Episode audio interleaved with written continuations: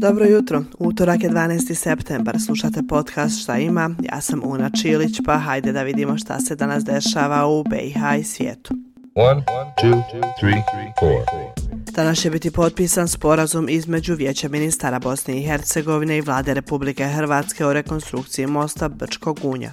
O ovom mostu bilo je riječi i u junu tokom zajedničke sjednice Hrvatske vlade i Vijeća ministara BiH koja je održana u Zagrebu, a danas će također biti održan bilateralni sastanak delegacija BiH i Hrvatske.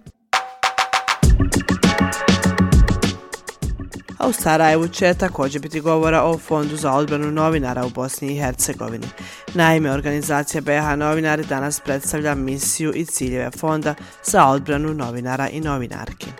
Fond za odbranu bi medijskim radnicima pružao pravnu i psihološku pomoć u slučajevima fizičkih napada i ugrožavanja sigurnosti, zatim podršku nezavisnom i istraživačkom novinarstvu, kao i ispječavanje nekažnjivosti napada protiv medijskih radnika. Tokom prošle godine linije za pomoć novinarima prijavljeno je više od 57 napada.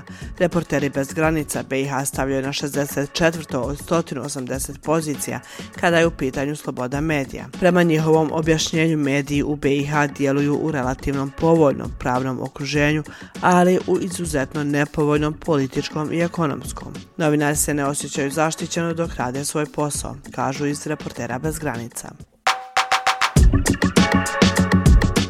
A danas u svijetu se obilježava Međunarodni dan programera.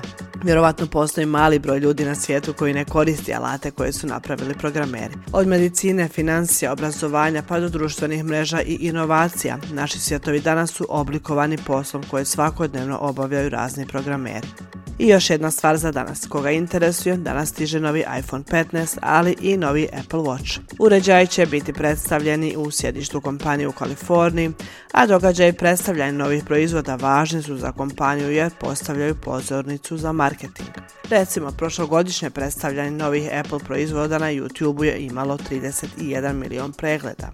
Očekuje se da će Apple objaviti četiri nova modela iPhone, a najveća promjena bit će u punjaču. Ovaj model će imati USB-C tip priključka što je isti tip punjača kojeg imaju i Android telefoni. Promjena punjača je podstaknuta novim evropskim propisima koji zahtijevaju jedinstven tip punjača. Uglavnom sve ćemo vidjeti tokom dana. One, two, three, Eto, to je sve od mene za danas. Sretan ostatak dana. Čujemo se neki drugi put. Ćao.